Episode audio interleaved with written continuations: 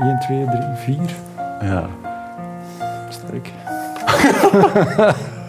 Cool, hè? Ja. Het zijn allemaal En dat zijn eigenlijk eh, fototoestellen die we Ja. opnemen. Hè? Ja. met cinemalenzen. Ja. En we zijn eruit in, in zwart-wit. Dus we filmen ook in zwart-wit. Serieus? Hè? Ja. Het zo, omdat we het tijdloze ervan Ja. willen beklemtonen. En dat iedereen er ook gewoon heel goed uitziet in zwart-wit. Eh, Je gaat zo meteen luisteren naar het gesprek dat ik heb gevoerd met Hans Bourlon. Hans Bourlon is CEO van Studio 100. Eh, maar de reden dat wij hem aan tafel wilden, ehm, is de, de columns die hij geschreven heeft en die ook uitgebracht zijn in, in boekvorm. Filosofisch geïnspireerde columns die heel interessant eh, zijn om te lezen. Oh, wat vond jij van het gesprek, Tom? Ja, ik vond het wel interessant om iemand met zo'n ehm, een, eh, hoog profiel bij ons uit te nodigen. Mhm. Ik denk dat je die dan automatisch wat duwt in het maatschappelijke. En dat je wel merkt dat hij over al die thema's eh, veel nagedacht heeft. Ja. Ehm, en dat vond ik wel cool eigenlijk. Ik denk wel dat hij niet hoeft over na te denken, als, hè, want die willen alleen maar geld verdienen.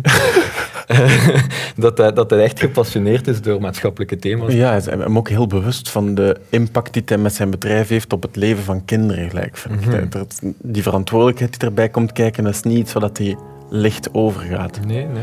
Een heel groot rechtvaardigheidsgevoel. Ja, Mijn grootouders naast ons en ook onkels en tantes, wij woonden zo allemaal met de familie in één straat, zoals dat vroeger op de buiten ging. Eh, die hadden bibliotheken vol boeken en eh, ik was een zeer vroegrijpe lezer. Eh, ik ging nog altijd aan de Leuvense van mijn grootmoeder zitten, echt zelfs de Russische klassiekers beginnen lezen op mijn zestien en zo. En dan ja, heb je niet nog dat je de wereld hebt meegemaakt zonder dat je iets hebt gezien. Ja, ja, ja, ja. Omdat dat toch zeer diepgravend is bij momenten. Dus ik ben vrij, vrij snel van, van Jommeke naar Dostojevski gegaan, zonder al te veel tussenstappen. Ja. Ik vind Jommeke nog altijd goed. Hè. Dus ja, ja ook heel filosofisch met moment. avontuurlijk vooral. Hè. Ja. Ja, ik vind nog altijd de sterkte van Jommeke Isa op pagina 1. Zit hij thuis bij Marie en Theophile. Zoals iedereen. Hè. Maar pagina 2 is die weg. Hè.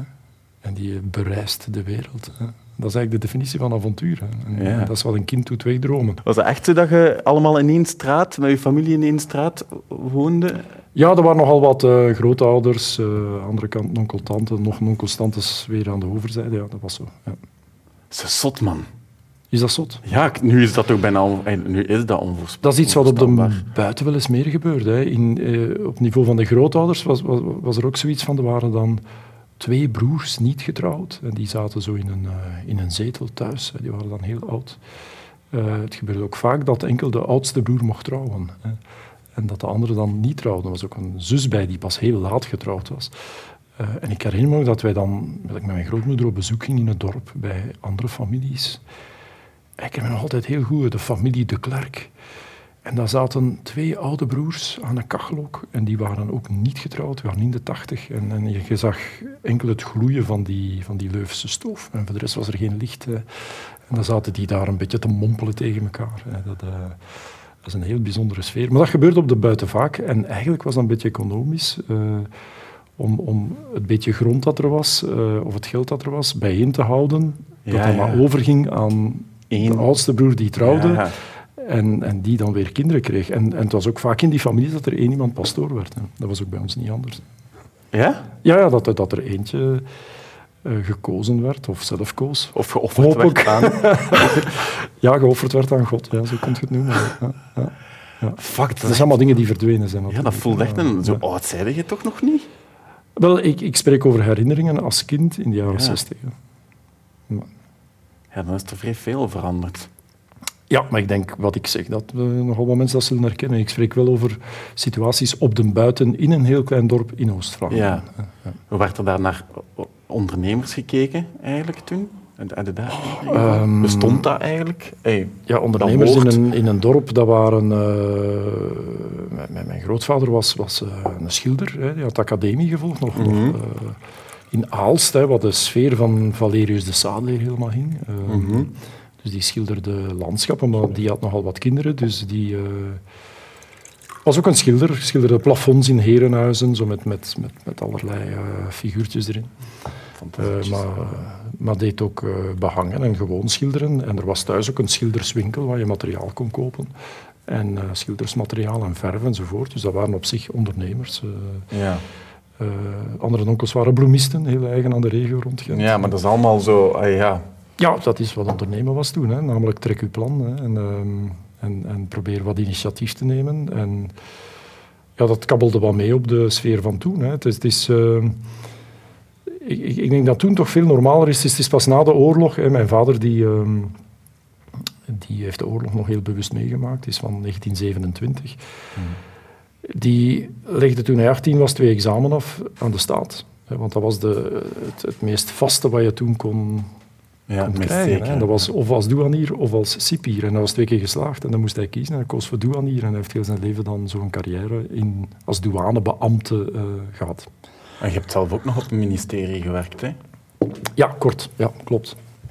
Ja, je bent goed geïnformeerd, ja. Ik heb dat nog gedaan um, in een tijd dat um, uh, men uh, de werkloosheidscijfers probeerde op te poetsen in de jaren tachtig. Toen ik afstudeerde was er grote werkloosheid.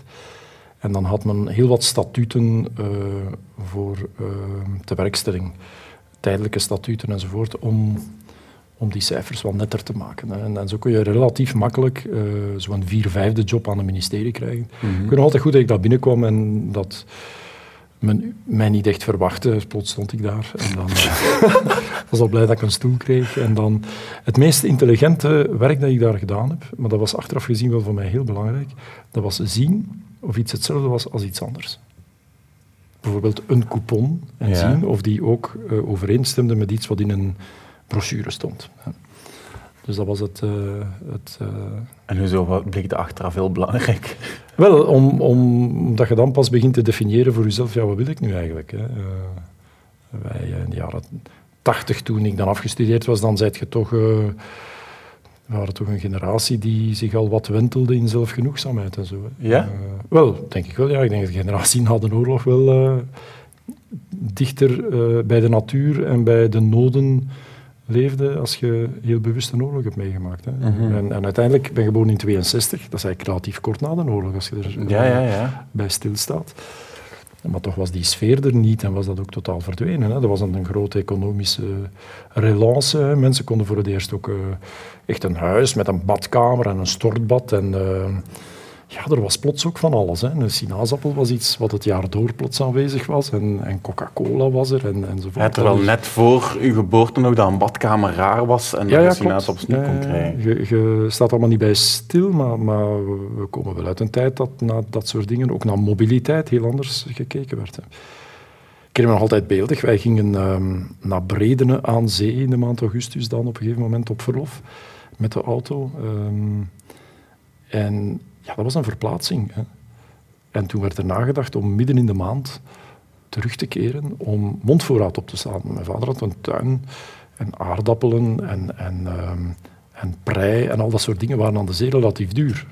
Dus hij kon dan eerder tanken uit eigen oogst. Maar dan moest hij voor terugrijden. En die datum werd heel, heel erg bepaald. Hè. Als je nu vandaag over nadenkt, is naar de zee rijden, hè, naar de pannen waar wij een park hebben en zo, ja, dat doet jij eens even snel tussenin. Hè. Ja, ja. Ik ga nog meer zeggen, uh, wij hebben een afdeling in München. Het gebeurt heel vaak dat ik over en weer vlieg naar München op een dag. Hè. De, de, de, mentaliteit van zich verplaatsen is wat dat betreft ja, een andere wereld geworden, met alle nadelen erbij ook evident. Mm -hmm. Ja, gek, ik kan me dat echt niet meer voorstellen.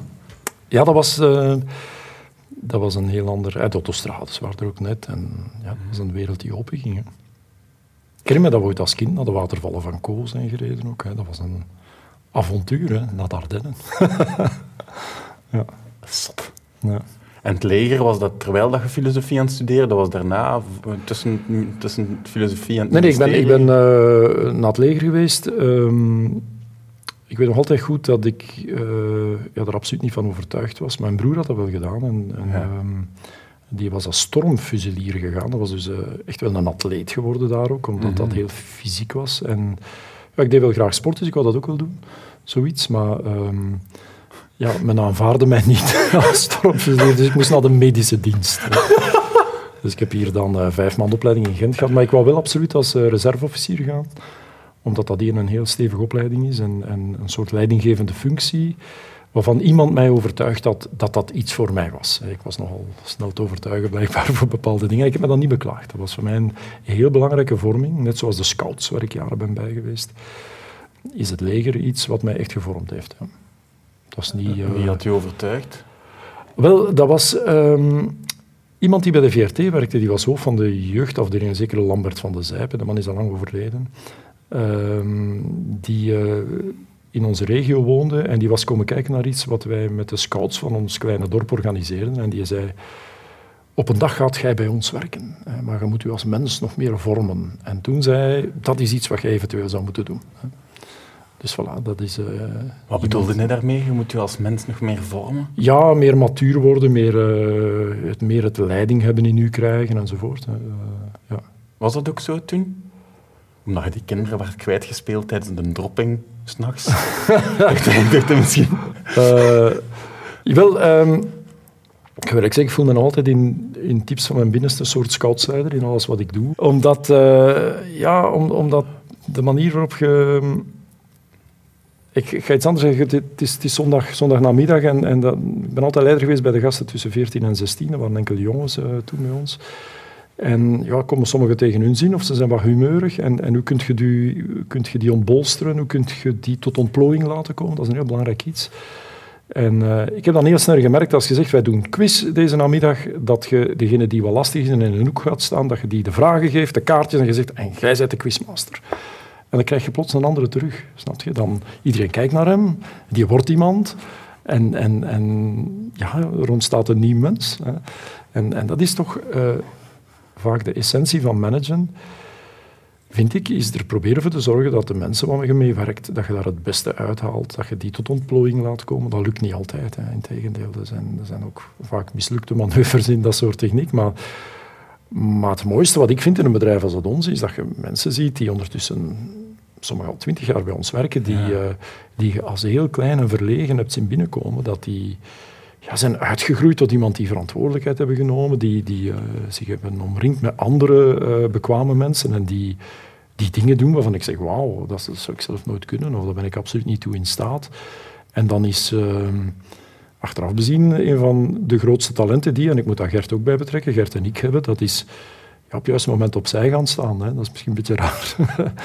uh, en dat is het tegendeel zijn van een dictatoriale leider. Hè. Want iemand die, die eh, alle leiding centraliseert en, en, elke beslissing zelf wil nemen, uh, ja, die gaat zich op een gegeven dag alleen omringd zien met een aantal soldaten die ja knikken en die verslaafd zijn aan dat leidinggevend iemand boven hen. Hè. Ja, ja. En een, de groei van ons bedrijf, wat sinds 97 toch altijd stap voor stap uh, is doorgegaan, um, ja, die heeft daarmee te maken.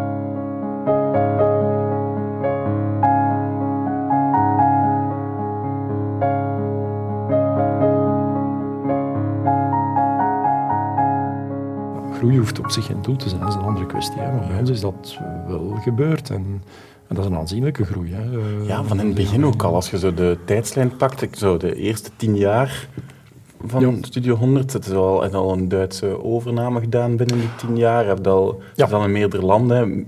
De, de, tweede plop komt een jaar of zo nadat je opgericht ja. bent. Of de, dat is echt, dat tempo is, is van in het begin... Ja, dat is wat economisch natuurlijk. Hè, maar de, de, de, de, de groei bij ons is altijd gebaseerd geweest op dingen creëren vanaf een witblad en overna overnames doen en synergieën zoeken. En, en, en die beiden. Het mooiste is natuurlijk zelf iets nieuw maken. Hè, zoals onze musical over de Tweede Wereldoorlog, 4045, die nu loopt. Ja, dat is het mooiste wat er is. Hè. Die, ja, die, plots staat een extra omzet van 35 miljoen euro. Hè. Dat is waanzinnig. Ik, dat ja. is ooit begonnen met een discussie over een verhaaltje. Hè. Allee, dat is, dat is, uh...